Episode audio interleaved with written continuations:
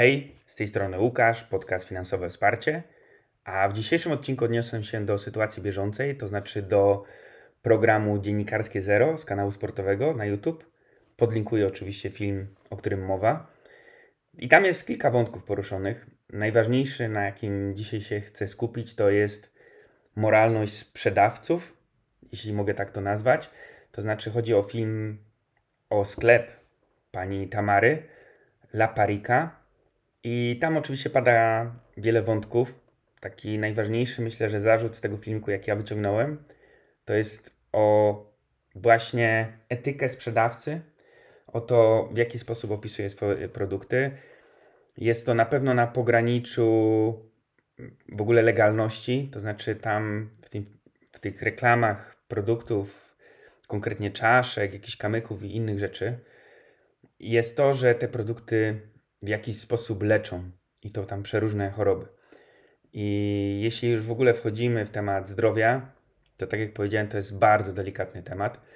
I ja absolutnie nie chcę się w żaden sposób tutaj odnosić, bo nie jestem absolutnie autorytetem. Ja umiem sprzedawać i uczę sprzedawać, jednak moja wiedza również nie jest nieograniczona. Nie jestem lekarzem i nie umiem się wypowiadać.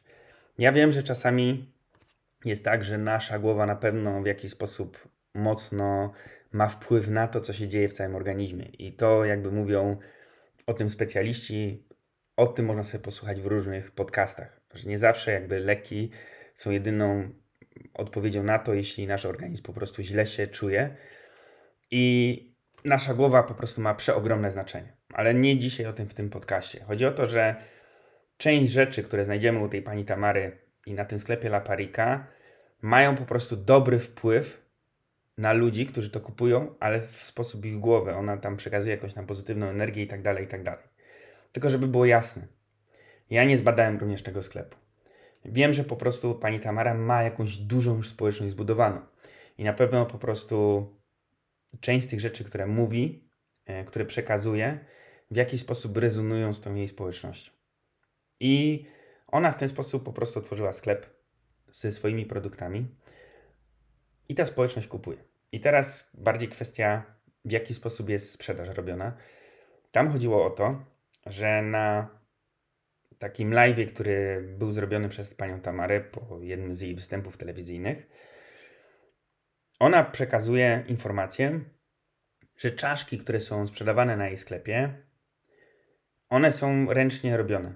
Tak można powiedzieć wręcz na zamówienie, sztuka do sztuki, że to jest jedna osoba, za, która, za, która stoi za tą, za tą produkcją i jest stawiony na dowód jakby tego, co mówi, filmik.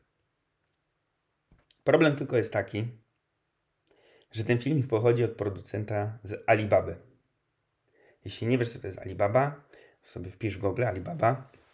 To jest taki wielki portal zrzeszający producentów i hurtowników głównie z Chin, no ale też z innych krajów y, azjatyckich.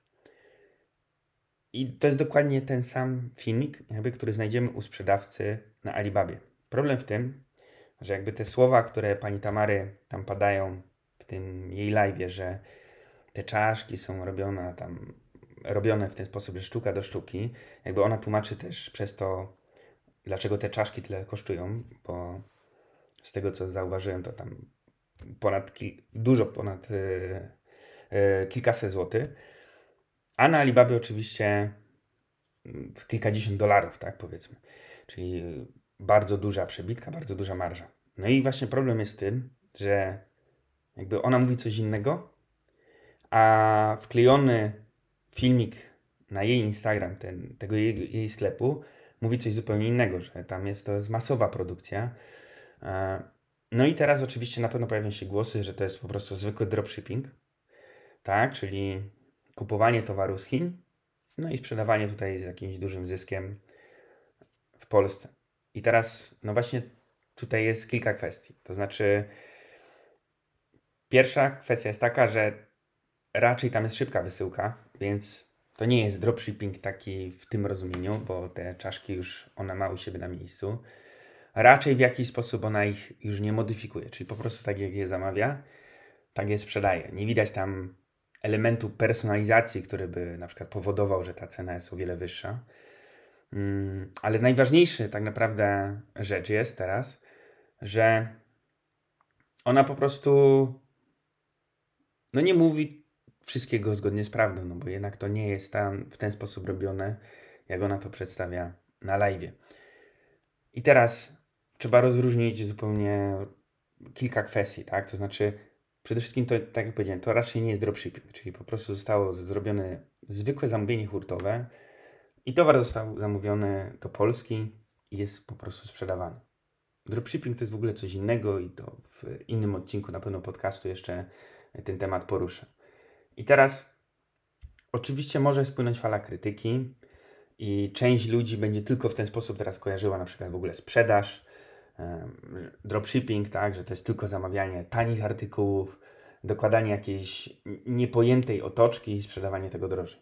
A to wcale, wcale tak nie wygląda, ale to jakby w każdej branży, i czy to będzie e-commerce, czy jakakolwiek inna, mogą się trafić ludzie, którzy będą psuli po prostu e, opinię całej branży. A wiadomo, że takie afery e, bardziej się rozprzestrzeniają, są bardziej wiralowe i docierają do większej ilości ludzi.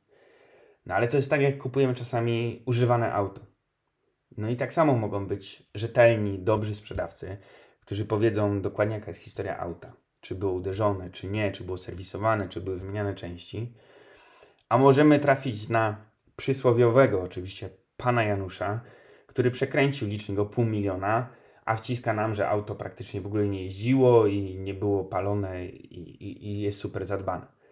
Tak, tutaj też mamy handel, i, I teraz czasami tak się może zdarzyć. I, I też jeśli ktoś faktycznie trafi takie auto, że z siedmiu zostało stworzone jedno i tam przekręcony licznik i w ogóle i ktoś się naciął, to znowu to jest coś, afera, to jest coś, co na pewno będzie szeroko komentowane i będzie gdzieś psuło opinię pozostałych handlarzy, którzy są w 100% fair.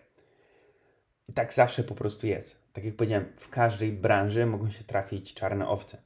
Tu jakby największym błędem pani Tamary jest to, że ona może wysokomarżowo sprzedawać swoje produkty, bo ma swoją markę, ma swoją społeczność, która w jakiś sposób po prostu z nią rezonuje.